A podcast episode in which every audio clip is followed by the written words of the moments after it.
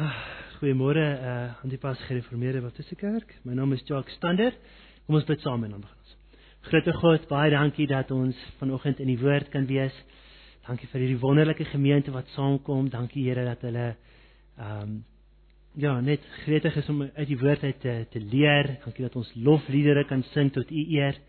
En ek bid mag vanoggend net nog 'n geleentheid wees waar ons almal uh, 'n beter en dieper verstaan van die woord kry en uh, verstaan uh, wat U van ons verlang in ons lewens sodat U naam net meer lof kan kry uh, in ons lewens en ook dat ander kan sien wat ons anders is en dat hulle sal smag na die God wat ons so anders gemaak het en dat hulle ook gered mag word tot U glorie.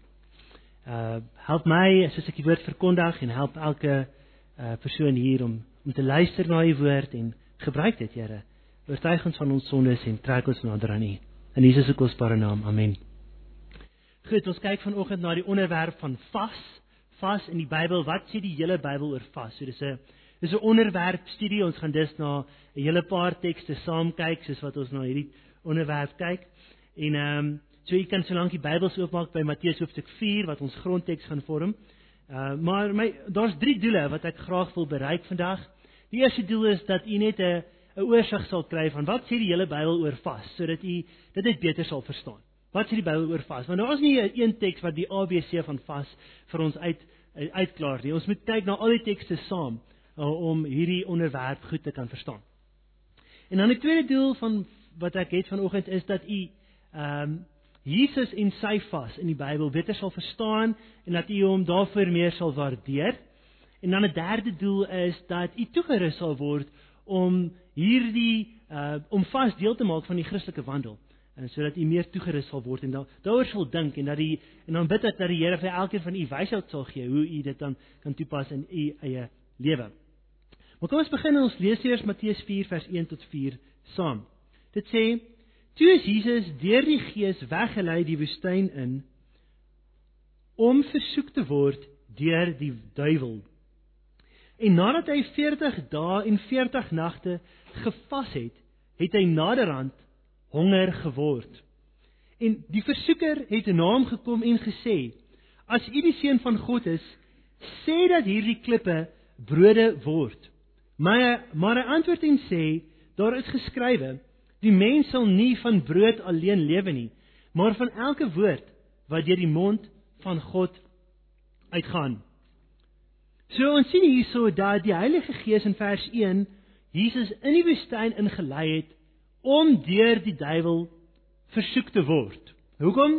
Wel sodat Jesus homself kan bewys as oorwinnaar van sonde en versoekings dat Jesus die normale menslike groei kan hê. Ons weet hy was perfek, hy het nie sonde gehad nie, maar van 'n menslike perspektief die normale groei in karakter wat versoekings en moeilike omstandighede bring, sodat hy dit kan hê en ook sodat hy simpatie kan hê met ons wanneer ons deur moeilike tye gaan en versoekings gaan, sê Hebreërs vir ons. Maar alhoewel dit die Heilige Gees se doel was hierdie om vir, dat Jesus versoek moes word.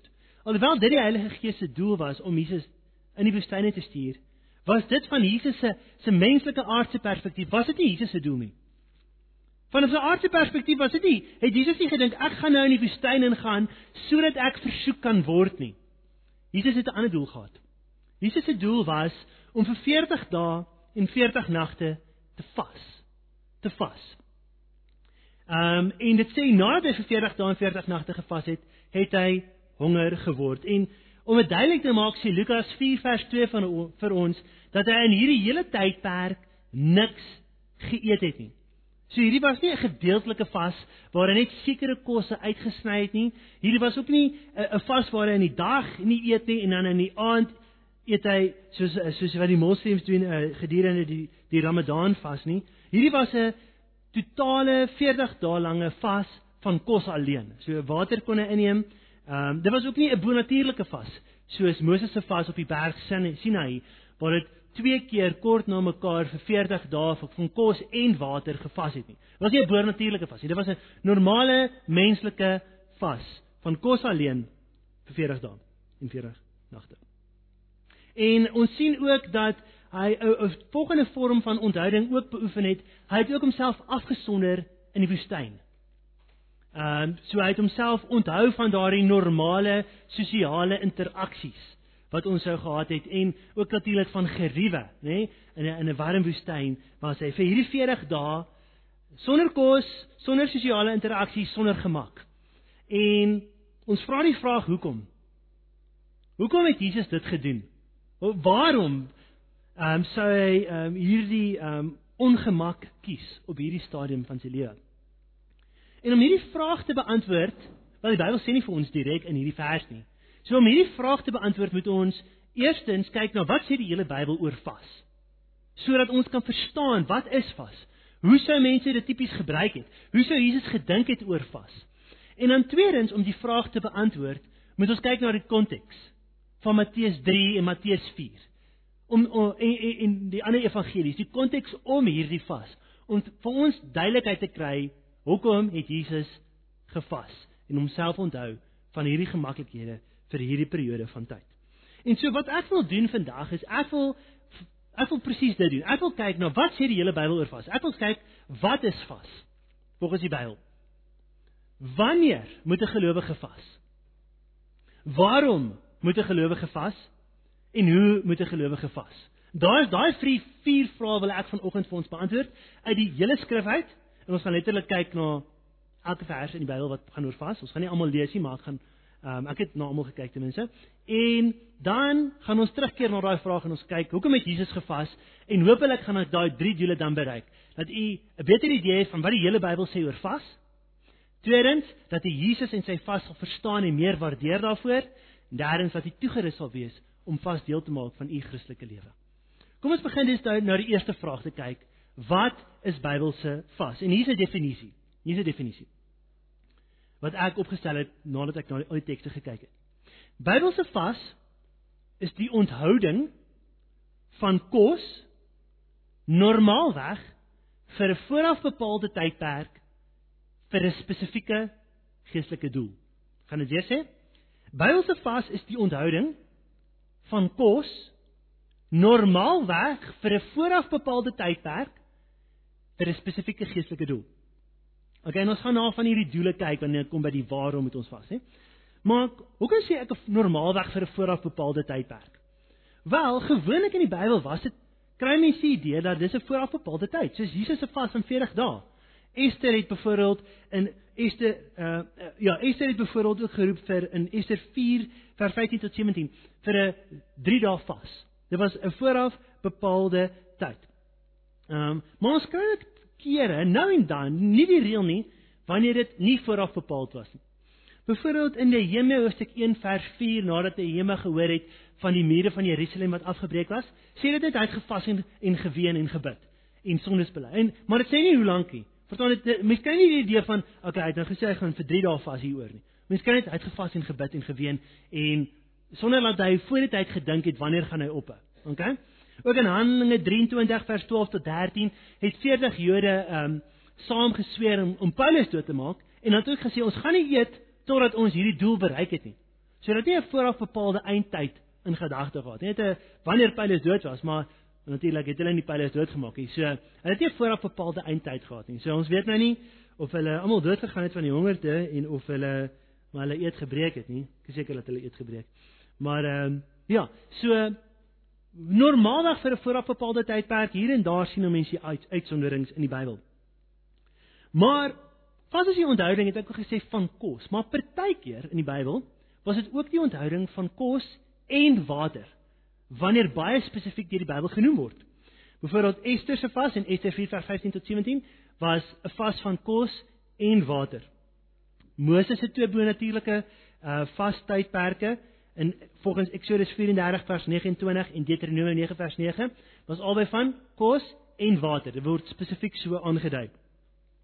En maar dit was natuurlik 'n baie meer intense vorm van vas en ehm um, was nie die die normaal nie, die norm nie en uh, was baie spesifiek so aangedui. Okay? En dit kan natuurlik nie te lank so aangaan as mens kos en water uitsny. Mens kan baie langer sonder kos as sonder kos en water vas ook val onder die groter kategorie in die Bybel van onthouding. Okay, so daar's ander forme van onthouding wat uh wat genoem word in die Bybel, waarvan vas die mees prominente een is, maar daar's ook ander forme.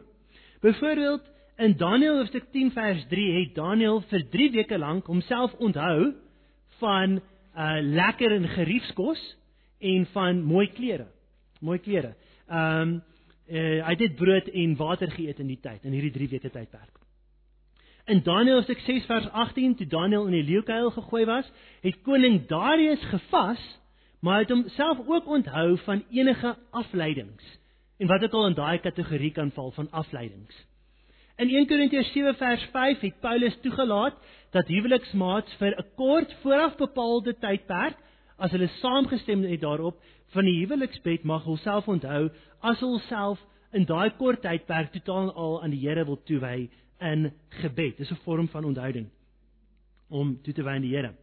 In Lukas 1:80 sien ons dat Johannes die Doper basies vanaf sy kinderdae totdat hy ehm um, Jesus aan die wêreld bekend gemaak het, uh, homself onthou het van sosiale interaksies deur basies vanaf kinderdae totdat hy soos in die 30's was, ehm um, in die woestyn gebly het daai hele tyd per lank.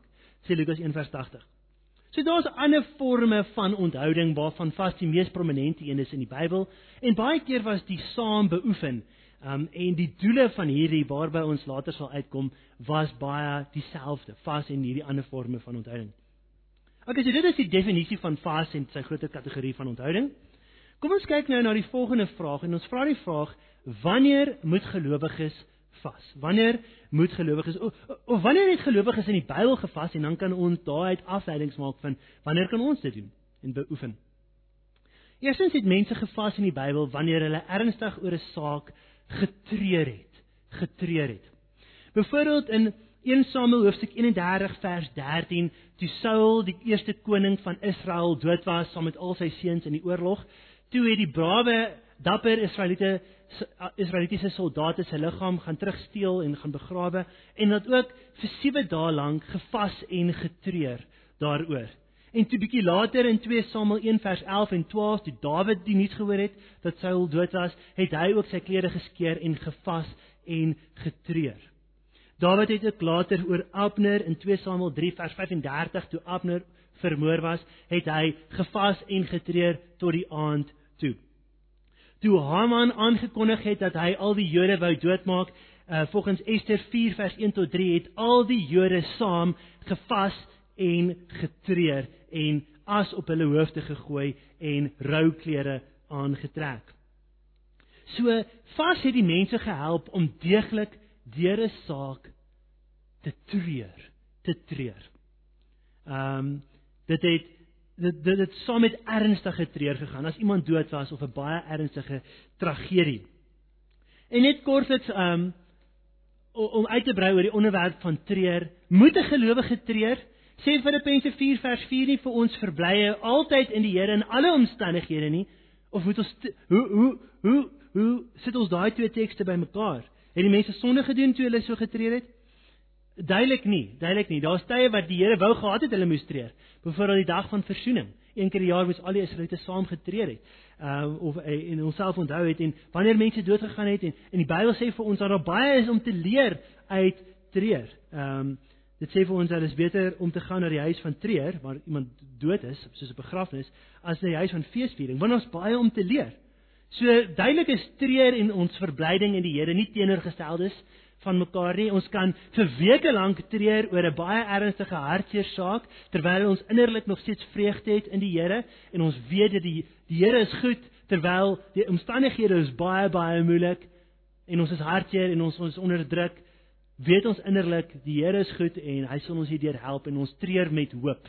Ehm um, so dis net 'n kort uitbreiding daarop vas help ons om deeglik te treur sodat ons die les kan leer intree, sodat ons deur 'n situasie kan werk en sodat ons ander mense kan wys en simpatie kan hê saam met hulle. In die antieke Israelitiese kultuur was daar tye van feesviering en was tye van treur. En dit was dit was 'n gemeenskaplike dinge wat hulle gedoen het.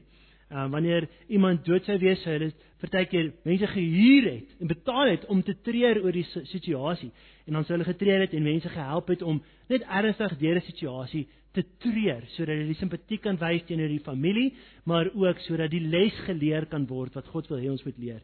Want ons leer oor die dood, ons leer oor die ernstigheid van die lewe, ons leer oor die sondevloek van die wêreld, dat hierdie wêreld nie ons huis is nie, dat daar hoop is vir die ewige lewe wat voorlê. So vas was beoefen wanneer ons ernstig in Bybelse tyd wanneer mense ernstig deur 'n situasie getreur het en baie keer ek ek dink dit is iets wat ons kan leer en deel maak van ons lewens want ek dink ons treur partykeer nie genoeg nie. Ons word aangemoedig om heeltyd bly te wees um, met al die goeie goeders wat ons sien. Ons sien altyd op Facebook die mense se goeie lewens en net net die mooi deel van die lewe maar partykeer moet ons die erns van die lewe die die werklikheid die realiteit van 'n sonnevervloekte wêreld besef en treur En vas kan ons net weer help om daai nederigheid te besef en en en saam oor 'n situasie te treur. 'n Tweede geleentheid wanneer mense in die Bybel gevas het, was wanneer hulle vir 'n ernstige saak gebid het. Gebid het wanneer hulle 'n ernstige saak aan die Here opgebring het in gebed. Byvoorbeeld in 2 Kronieke 20 vers 3 tot 17 het koning Jehoshafat toe die nasie van Juda bedreig was deur vyande het hy die nasie saamgeroep en die nasie het saam gevas en hy die nasie dan gelei in gebed tot God vir hulp in hierdie ernstige situasie en God het met sy gees het op een van die profete gekom en die profeet het gepraat en gesê dat die Here hulle sal beskerm en so het die Here ook gedoen. Ook in Esra hoofstuk 8 vers 21 tot 23 het Esra uh, toe die koning Artaxerxes van Persië gesê dat die Israeliete mag teruggaan huis toe, het Esra al die mense saamgeroep by die al die Israeliete saamgeroep by die Ahava rivier en hulle het saam gevas en gebid vir 'n veilige reis huis toe. Ehm um, en die Here het hulle gebed beantwoord. So mense het gevas wanneer hulle getreur het, mense het gevas wanneer hulle ernstige saak vir die Here gebring het. 'n Derde geleentheid wanneer mense gevas het in die Bybel is wanneer hulle sonde bely het en hul bekeer het van hul sondes. Byvoorbeeld in Daniël hoofstuk 9 vers 1 tot 4 sien ons dat Daniël het sy die sondes van sy mense bely aan die einde van die 70 jaar Babiloniese ballingskap en hy het gevas saam met dit.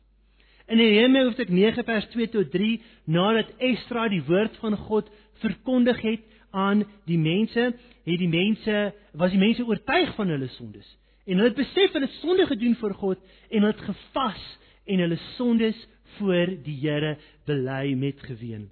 En hulle het ook gedraai van hulle sondes deur byvoorbeeld die die uh vroue buitelandse vrouens wat hulle misgelei het in die sonde in uh, weg te stuur. Dit was 'n vorm van bekering in daai tyd. In 1 Samuel hoofstuk 7 vers 6 en nadat is Samuel begin het om die Israeliete te lei en 'n leier geword het, het Samuel die mense geroep tot bekering en die mense het hul bekeer saam met vas.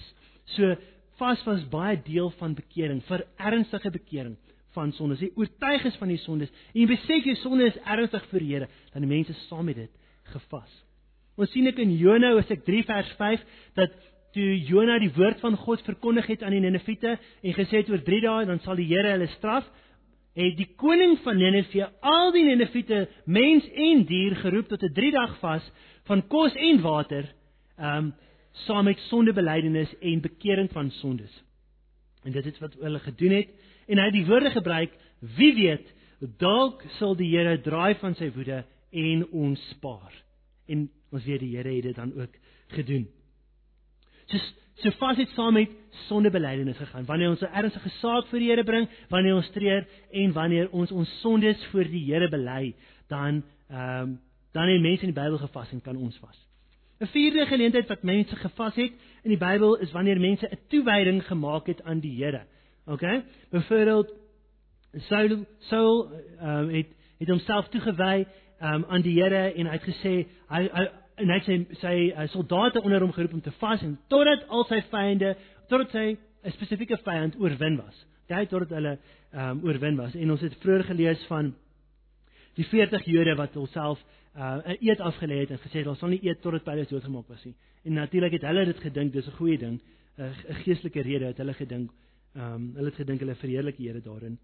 So, maar dit was 'n toewyding, dit was nie normaal. Hulle het hulself toegewy aan die Here saam met vas en dit het net daai toewyding versterk. En natuurlik sien ons 'n hele paar keer uh, en byvoorbeeld in Nehemia hoofstuk 1 vers 4 waar hierdie vier redes vir vas en wanneer mense gevas het oorvleuel het. Byvoorbeeld in Nehemia 1 vers 4 toe Nehemia gehoor het dat Jerusalem se mure afgebreek was, het hy gevas saam met hy het getreur, hy het die sondes van sy mense bely, hy het gebid tot God vir hulp en hy het homself toegewy om die mure van Jerusalem weer te herbou. So daai vier redes oorvleuel baie keer Ehm um, partykeer een of twee of drie of al vier van die redes kan oorvleuel wanneer ons vas en wanneer mense in die Bybel gevas het. Okay, so ons het gekyk na wat is vas? Ons het gekyk na wanneer uh, mense vas en wanneer ons kan vas in die Bybel, wanneer mense in die Bybel gevas het en wanneer ons kan vas. Kom ons kyk nou volgende na hoekom moet ons vas? En hoekom het mense in die Bybel gevas? Wat is van die voordele? En onder daai kategorie vra ons die vraag, moet ons vas?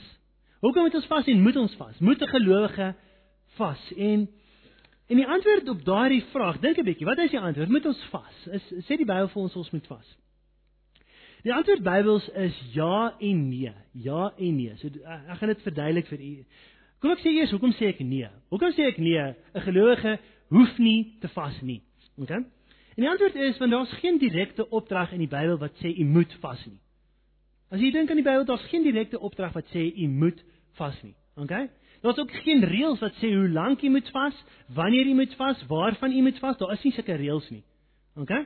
So geen direkte opdrag hier. Ons weet dat die op die dag van versoening een keer 'n jaar moes die Israeliete gevas het. OK? So dit was 'n opdrag vir die Israeliete een keer 'n jaar in die dag van versoening toe daar vir die hoëpriester nou ingegaan het na die heilige van heiliges om versoening te maak van die mense en daar is 'n direkte opdrag dat die hele nasie moes gevas het. OK? Um, Eintlik die woord wat daar gebruik word is die woord Anna in Hebreëus en nie, nie die woord stoom nie. En so die woord Anna is daai groter kategorie van onthouding. Hulle moes hulself onthou van enige vorm van plesier, nie net van kos nie. So een keer 'n jaar, okay? En dit was 'n direkte opdrag. Maar vir ons as Nuwe Testament gelowiges word daar geen daar word nie een keer 'n opdrag direkte opdrag gegee dat jy moet vas nie. En die implikasies daarvan is dat Niemand kan druk of manipuleer om te vas nie, okay? So niemand kan sê jy moet vas nie. Hoekom vas jy nie? Jy's so 'n slegte gelowige nie. Want daar's geen so direkte opdrag nie. Dis 'n vrywillige ding. Dis 'n soos wat die Here u beweeg in u hart. Okay? Kan u vas deel maak van u Christelike wandel. Maar daar's geen direkte opdrag nie. U sondig nie as u nie vas nie. Maar hoekom sê ek ja? Hoekom sê ek ja? Uh, gelowige moet vas. Wel vir die volgende redes. Eerstens, daar's baie voordele om te vas. Ons sal daarna kom, ons het al reeds 'n paar losweg bespreek. Ehm um, doele van met die wanneer met uh, wanneer het mense gevas, maar daar's baie voordele. Ons sal daarna daar ons sal nou daarna kom. Ehm um, tweedens ons sien dat Jesus het half aangeneem dat mense gelowiges vas. Byvoorbeeld in Matteus 6 vers 1 dan sê hy wanneer jy vas moenie dit doen soos jy skyn heilig is nie. Sê daar's die aanname dat gelowiges vas. In Matteus uh hoofstuk 6 bietjie later vers 16 tot 18 dan dan sê dit dat God dit beloon. Vas wat in die verborgene is, jou Vader wat in die borgborge sien, sal jou beloon. So daar's 'n beloning vir die wat uh vas. Ons sien ook dat uh heilige mense in die Bybel het gevas. Daar's daai president wat geskep word. Byvoorbeeld Jesus, Daniel, Dawid, Paulus, Barnabas, die kerke en Handelinge en ook uh u ken seker Anna, Anna. Lukas 2 vers 37 sê dat tot op die ouderdom van 84 het sy gevas en gebid nag en dag. So baie dae het sy gevas en gebid. Ehm um, so en dis dis 'n patroon wat ons sien in die Bybel dat heilige mense het gevas en deel gemaak van hul Christelike wandel. So ja en nee, ja en nee. Uh, ek ek glo die Here moet vir elkeen wysheid gee oor hoe om dit deel te maak van hul Christelike wandel. Maar kom ons kyk nou na Wat is verkeerde redes? Ons kyk ons is nog steeds in die kategorie van hoekom moet ons vas? Ons kyk voordat ons daai vraag antwoord van die voordele vir vas. Wat is van die verkeerde redes? Hoekom? Want die Bybel sê ons moenie vas nie. Redes waarom ons nie verkeerde redes om te vas.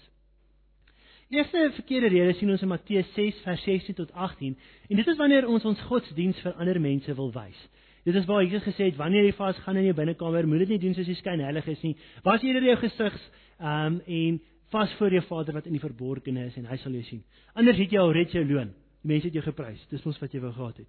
So dis 'n verkeerde rede. wanneer ons uh, mense wil beïndruk. 'n Tweede verkeerde motivering vir vas is wanneer ons onsself, wanneer ons dink dat vas God beïndruk en wanneer ons uh, onsself wil heilig maak en, uh, en en trots maak voor God se oë.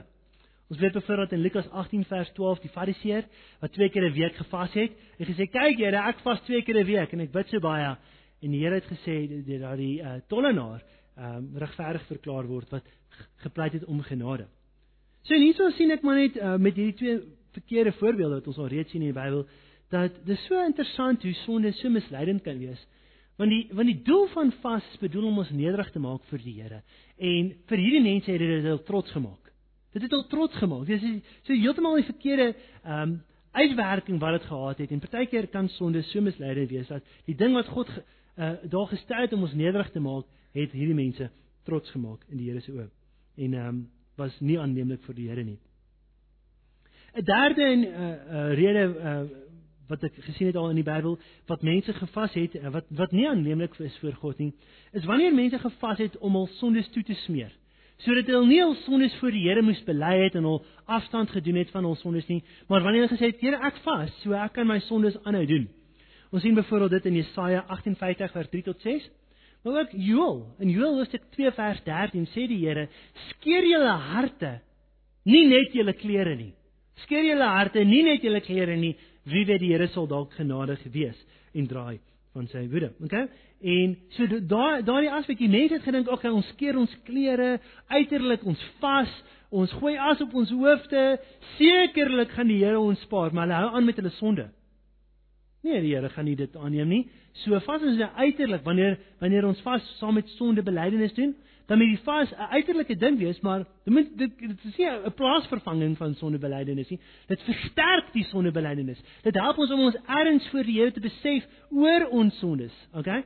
So vas moenie 'n plaasvervanger wees vir 'n uh, bekering en 'n heilige lewe nie. Hierdie tipe vas is nie vas wat die Here aanneem uh, aanneemlik is vir hom nie, maar hy hy uh dit dit dit bou die oordeel op jou lewe. Die Here neem dit nie aan nie. Okay, so dis verkeerde redes om te vas. Kom ons kyk nou na voordele van vas in die Bybel. Voordele van vas in die Bybel. Die eerste voordeel is natuurlik daai ewigheidsbeloning. Matteus 6 vers 18: Jou Vader wat in die verborgene sien, sal jou beloon. As jy daarna gekyk. 'n Tweede voordeel van vas is dit beweeg baie keer die Here tot barmhartigheid en genade. 'n Voorbeeld hiervan is 'n goeie voorbeeld is in Rigters 20 vers 26 tot 28. Dit het ander voorbeelde ook al gesien hiervan, soos Nehemia en so. Maar in Rigters 20 wat gebeur het daar is die Benjaminite in Israel, die Benjaminite het sonde in hul midde toegelaat. En die Israeliete, die res van Israel het uitgekom teen hulle en gesê: "Hou op met julle sonde, gee julle sonde oor." En in plaas van die ben dat die Benjaminite dit gedoen het, het die, die Benjaminite uitgetrek en oorlog gevoer teen die Israeliete en gewen en gewen. En die Israeliete was natuurlik baie te neergedruk daaroor en het uh, gebid daaroor en gesê Here, wat het gebeur? Kan ons moet ons weer optrek teen hulle? Wat moet ons nou doen? En die Here het gesê trek op, weer, trek weer op teen hulle. En toe wen die Benjaminite weer. Ja. En toe, dis die mense nou, dis Israeliete nou baie teleurgestel en hulle bid en vas hierdie keer ook.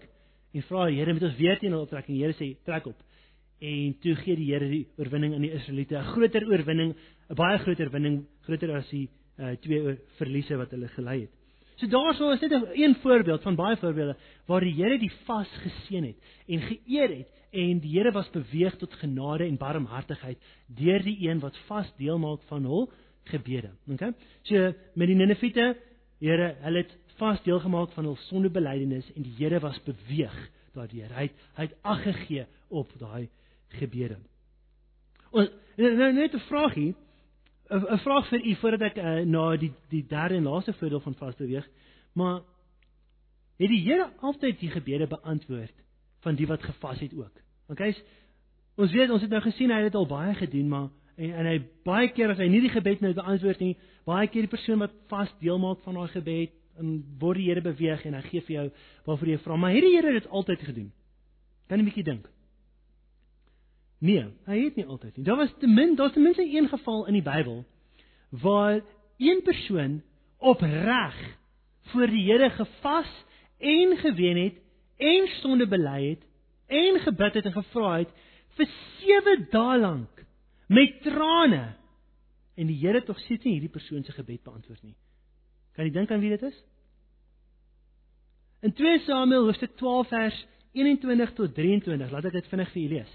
sien ons dat Dawid toe Dawid 'n uh, sonde gedoen het met Batseba en 'n kindjie gekry het, uh, het die kindjie siek geword uh, as gevolg van die Here se oordeel en Dawid het gebid en vir die Here gevra dat die Here die kindjie se lewe moet spaar.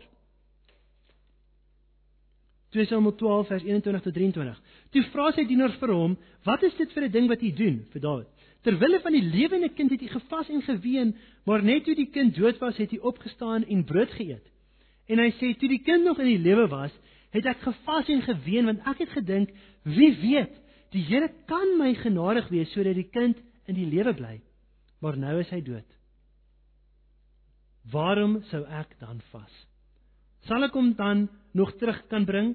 Ek gaan na hom, maar hy sal nie na my terugkeer nie. OK, so daar's net 'n een goeie voorbeeld van baie keer in die Bybel was die Here beweeg deur die persoon wat gevas het en die vas deel gemaak het van die sondebelydenis en of die treur of die ehm um, toewyding of die versoek aan die Here. Maar daar's Dis nie 'n magic pill nie. Dis nie 'n ding waarmee ons die Here kan manipuleer nie. Dis nie dat die Here altyd vir ons sal gee waarvoor ons vra wanneer ons vas deel maak van ons ehm um, Christelike lewe nie. Die Here kan nog steeds nee sê. Hy's goed. OK.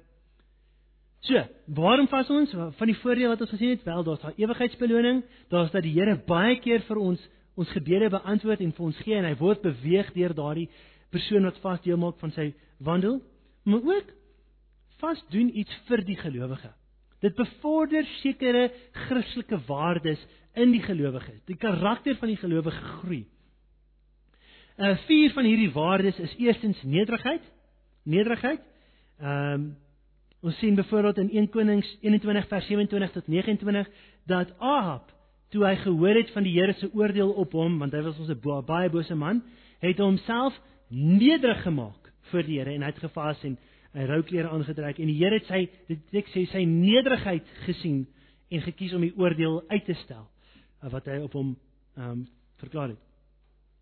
Ehm um, so wanneer ons vas dan besef ons ons, ons magiese seer en ons sien oh, ons, ons ons voel nie lekker nie en on, ons hou onsself nederig. Ons ons is nie fancy nie. Ons hou onsself nederig vir die Here en ons kyk dalk dalk trek ons rou klere aan of wat en ons gooi dalk as op ons hoofde Okay, hoe het hulle dit gedoen want natuurlik in Midde-Ooste is dit baie warm en hulle sou hulle hoofde salf met olie net om dit bietjie af te koel en maar nou het hulle as op hulle hoofde gegooi net om daai plesier te onthou van hulself en onsself net nederig te maak voor die Here. En ons weet Jesaja 66 vers 2, dit sê dit is die uh, nou wie die Here kyk, die wat nederig is en bewe voor sy woord. So die Here hou daarvan as ons onsself nederig maak voor hom. En vas help ons net om nie net op daai stadium ons nederig te hou nie, maar dit as ons dit nou gereeld doen, dit kweek nederigheid, 'n nederige stand en wandel voor die Here. Erns is 'n tweede waarde wat dit in ons groei. Erns die wanneer ons magies skree van die pyn en sê dan dink ons man dit is dit is ernstig nie maar daar's iets wat meer ernstig is dis daai rede waarvoor ek nou vas dis nog meer ernstig as hierdie magie wat skree maar oor 'n lang termyn as mense dit nou meer gereeld deel maak van ons Christelike wandel dan groei ons in erns oor die algeheel, meer 'n langtermyn karaktergroei, sodat ons in staat is om ernstige dinge ernstig te hanteer, ernstig te hanteer. Dat ons nie net lighartig is oor alles nie, dat ons dinge waaroor God ernstig is, ernstig opneem. Okay? Vas help met erns om erns om erns te wees wanneer ons ernstig moet wees. Fokus, derdens, dit help met fokus. Jy kan onthou daai koning daardie het gesê geen afleidings moet na hom toe gebring word nie. Hy wil fokus op hierdie saak wat wat vir waarvoor hy vas met Daniël wat in die leeukuil is. Hy was beweeg en hy wou fokus. Dis waarom Johannes die Doper homself afgesonder het in die woestyn, want hy wou fokus. Hy het 'n baie groot lewensroeping op sy lewe gehad om die Messias aan die wêreld bekend te stel en hy wou fokus op hierdie groot taak waar hy die wêreld geroep tot bekering en baie mense gekom het om te bekeer en waar hy die doop ingestel het. 'n Groot taak wat die Here vir hom gegee het en hy wou unieke geval, né, maar hy wou fokus op hierdie taak. Help hom te fokus en vierdens dit help met toewyding. Okay, help met toewyding. Ons het gesien met die Jode, met koning Saul, uh, gesê ons wil onsself toewy aan hierdie saak. Ons gaan nie eet voordat hierdie saak afgehandel is nie. So dit help net om te groei oor die algeheel in toewyding. Toewyding oor aan dinge wat belangriker is as, as hierdie magie wat skree. So jy, jy groei daai selfdissipline, jy groei daai toewyding aan 'n saak wat vir die Here belangrik is en sê ek gaan fokus op hierdie. Ek hierdie gaan ek doen um, vir die Here. OK. So vas groei die persoon, die karakter van die persoon wat vas. Dis 'n derde voordeel. So die Here beloon, die Here word beweeg deur die vas en dit groei karakter van die persoon wat vas. So dit is hoekom moet ons vas en hoekom het mense in die Bybel gevas? So kom ons gaan gou ons het gekyk na wat is vas? Ons het gekyk na wanneer moet mense vas? Wanneer hulle treur, wanneer hulle 'n ernstige saak bid voor die Here, wanneer hulle sonde bely, wanneer hulle self toewy aan die Here. Ons het gekyk na hoekom moet ons vas en ons gesê beweeg God, daar's die beloning en dit groei jou karakter. Maar kom ons kyk nou na hoe moet ons vas? Hoe moet ons vas? En hoe het mense in die Bybel gevas? Dan kan ons leer daai. Eerstens sien ons dat daar individuele vases en dan is daar ook gemeenskaplike vas. En kom ons kyk net na daai twee. So individuele vases soos Jesus, Dawid, Daniel en Nehemia wat gevas het. Hulle het net voor die Here gevas. Da Dawid het byvoorbeeld op 'n stadium gevas vir sy vriend, okay? So uh, ons sien dit baie. Dit is te sien wat ons goed ken. Maar ons sien ook dat in Handelinge 13 vers 2 en Handelinge 14 vers 23 dat nadat Paulus en Barnabas ouderlinge aangestel het in die gemeente, en reg was om die gemeente toe te vertrou aan hierdie ouderlinge en hulle gaan nou verder om nog kerke te gaan plant. Wat het hulle gedoen? Hulle hulle het saam as gemeente gevas en gebid. OK, so dis 'n gemeente uh, twee gevalle daar waar die gemeente saam gevas het vir 'n baie groot besluit.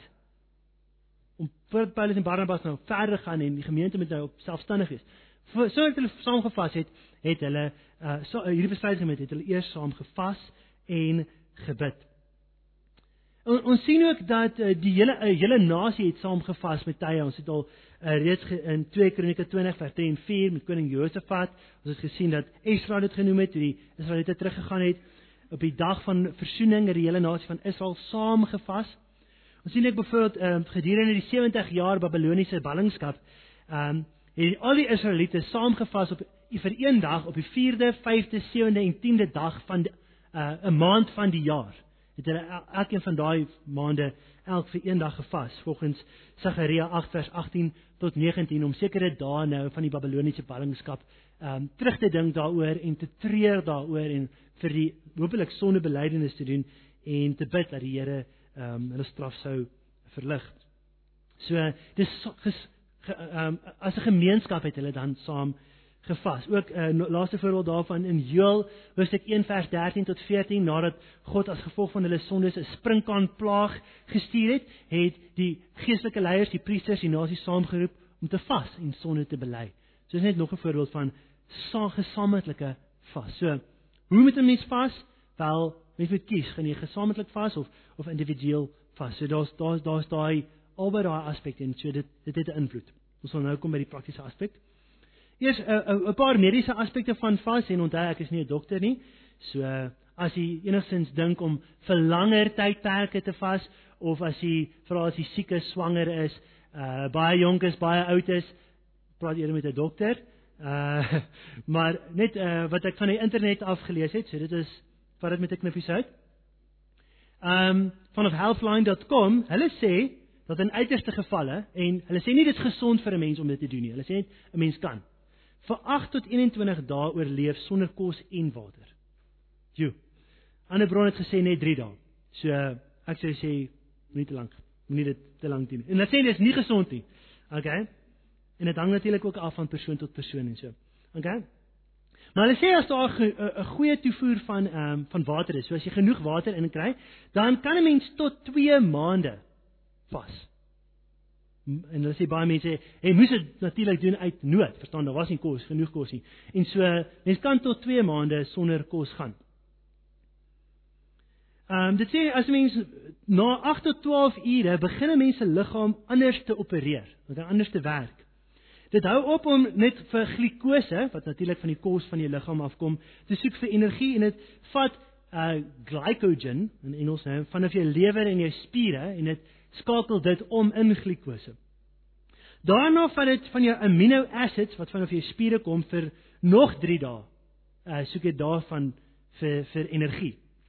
Uh en daarna begin dit van die ketones vanaf jou uh, vet uh te om, omskakel in energie in. En dis dan wanneer jy eers begin gewig verloor. OK, en, en natuurlik hoe meer vetreserwes 'n persoon het, vir hoe langer kan hulle vas. Ehm um, en dan daarna begin dit jou actual spiere te van dit te vat vir ehm um, vir energie. En dis wanneer jy al moes ophou vas het. Kyk, want dis nou baie nadelig vir jou liggaam. OK, dan sê dit mense met 'n mans met 'n BMI van 13 of minder en vrouens met 'n BMI van 11 of minder kan nie lewe volhou nie. So dan moes jy ook al opgehou vas het. OK. En dan sê dit om 'n vas te breek, dis nou van daai langer vaste, né? Moet 'n mens nie net ewe skielik begin styk en sweets eet nie.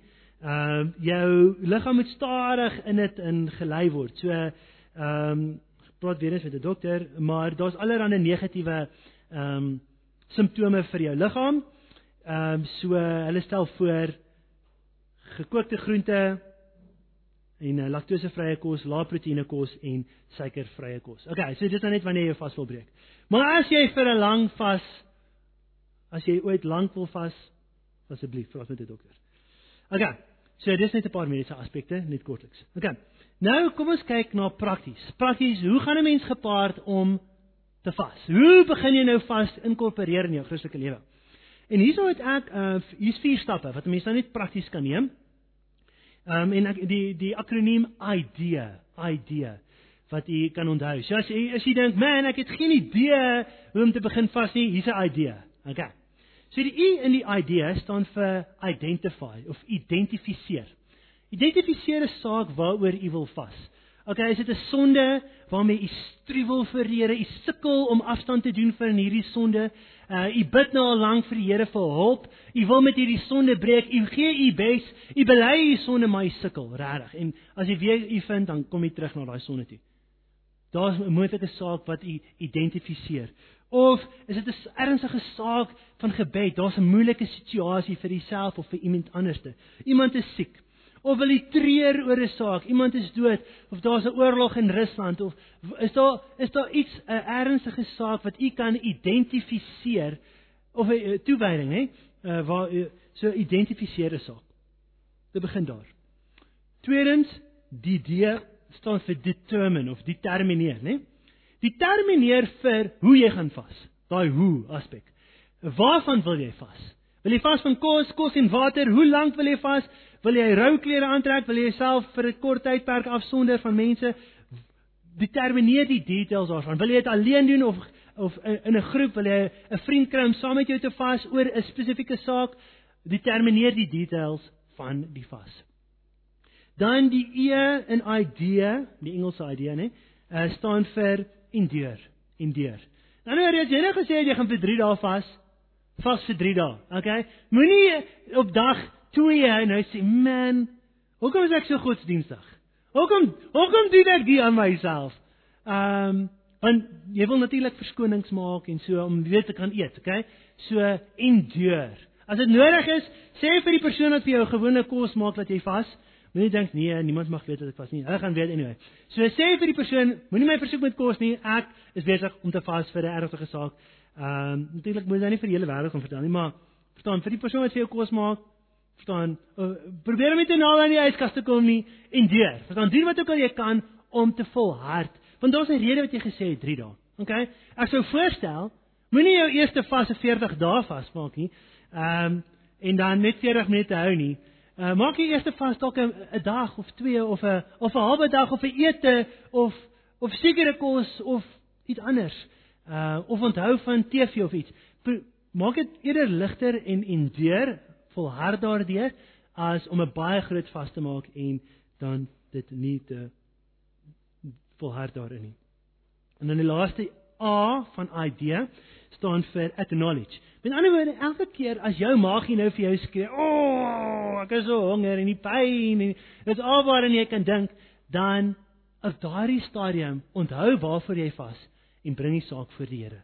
Here, ek vas want ek sukkel nou al so lank met hierdie sonde. Here, ek vas want hierdie is 'n ernstige saak. Sal U ons veilig hou? Sal hierdie persoon gesond maak? Of Here, ek vas want ek wys simpatie met my vriend wat nou net sy kind verloor het. So, uh bring die saak wanneer jy magies skree van die pyn en die tyd nog 'n voorstel en die tyd wat u sou spandeer het om die kos te maak en die tyd wat u sou spandeer het om die kos te eet. Al daai tyd.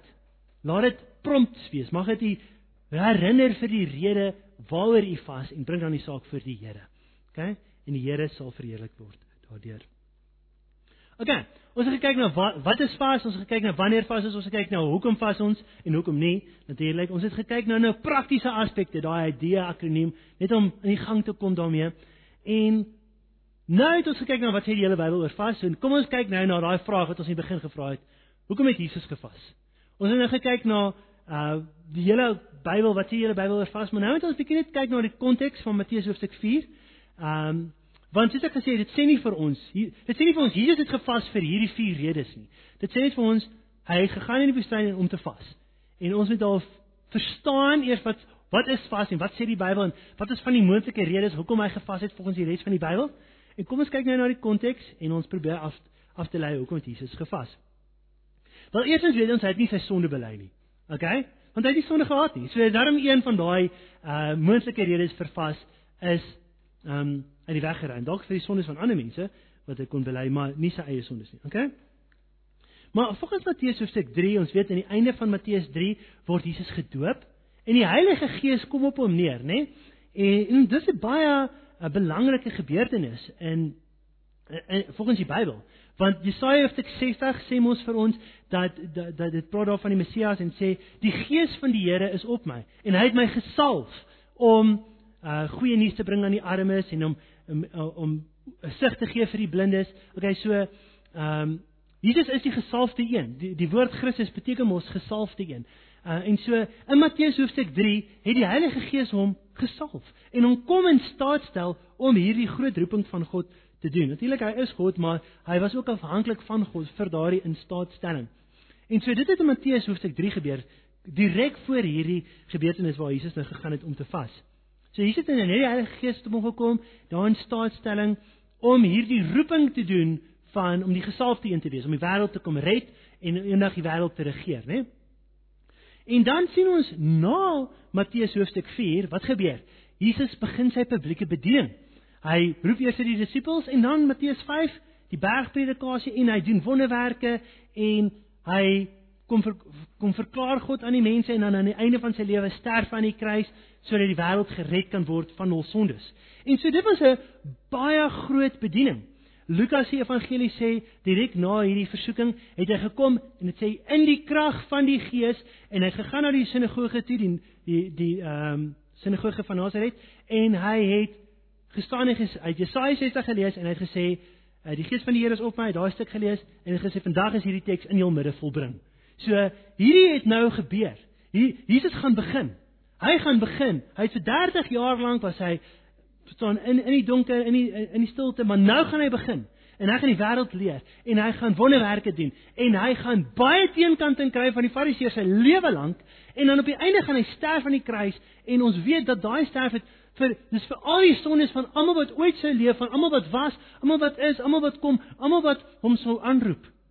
Dit was 'n groot bediening, maar baie belangrike bediening wat hy sou gehad het. Waarvoor God hom sou gestuur het. En hy het die Here se genade nodig gehad.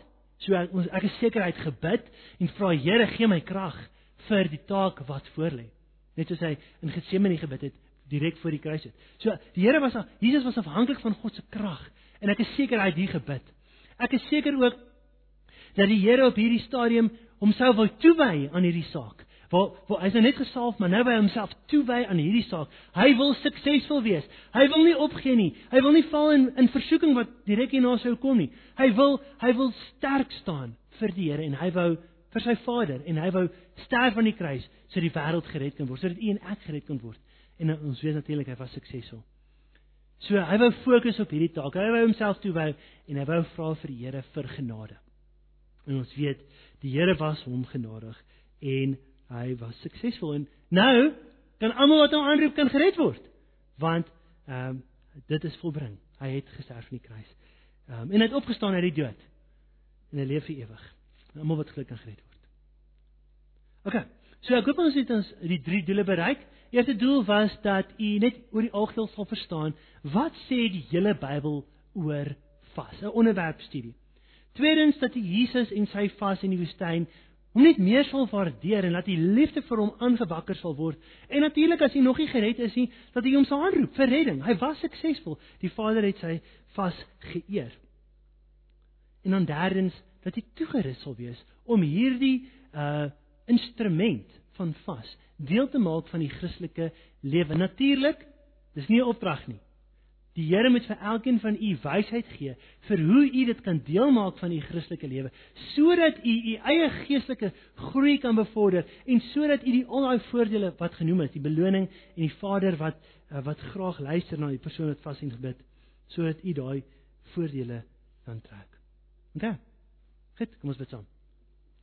Grote God, baie baie dankie dat ons na u woord kan kyk, 'n onderwerp studie oor die onderwerp van vas. En ek bid Here, gee vir ons wysheid, gee daai nodige wysheid oor hoe kan ons dit deel maak van ons Christelike lewe. Ehm um, hoe kan elkeen dit spesifiek mag ons nie mekaar oordeel en veroordeel hoekom vas jy nie en hoekom vas jy so lank en hoekom vas jy so min. Maar mag ons dit elkeen persoonlik voor u deel maak vir van ons lewens en dalk in in gemeenskap, dalk in die kerkies om saam te vas met tye, maar individueel, Here, mag ons groei, mag mag ons dit deel maak. Dankie vir die hierdie instrument wat U vir ons gegee het. 'n moeilike een om toe te pas, want dit is vir daai oomblik is dit 'n uh, self neerlê wat ons moet doen. Maar lanktermyn het dit soveel voordeel en ons vreugde in U sal net soveel meer wees as ons U net beter leer ken. En ehm um, ja, so gee elkeen wysheid, Here, as hulle sonde voor U moet bely, waarmee hulle sukkel, as hulle 'n saak in gebed voor U bring, as hulle hulself wil toewy vir U gee vir elkeen 'n wysheid en selfs wanneer ons moet treur, gee vir ons wysheid om dit toe te pas. In die Here se naam. Amen. Mag die Here u seën in die week wat voorlê. Mag jy uitreik na mekaar en groei in die genade en mag die Here vir elkeen van die wysheid gee soos hy die Christelike lewe voor die Here leef en streef om hom te aanbid.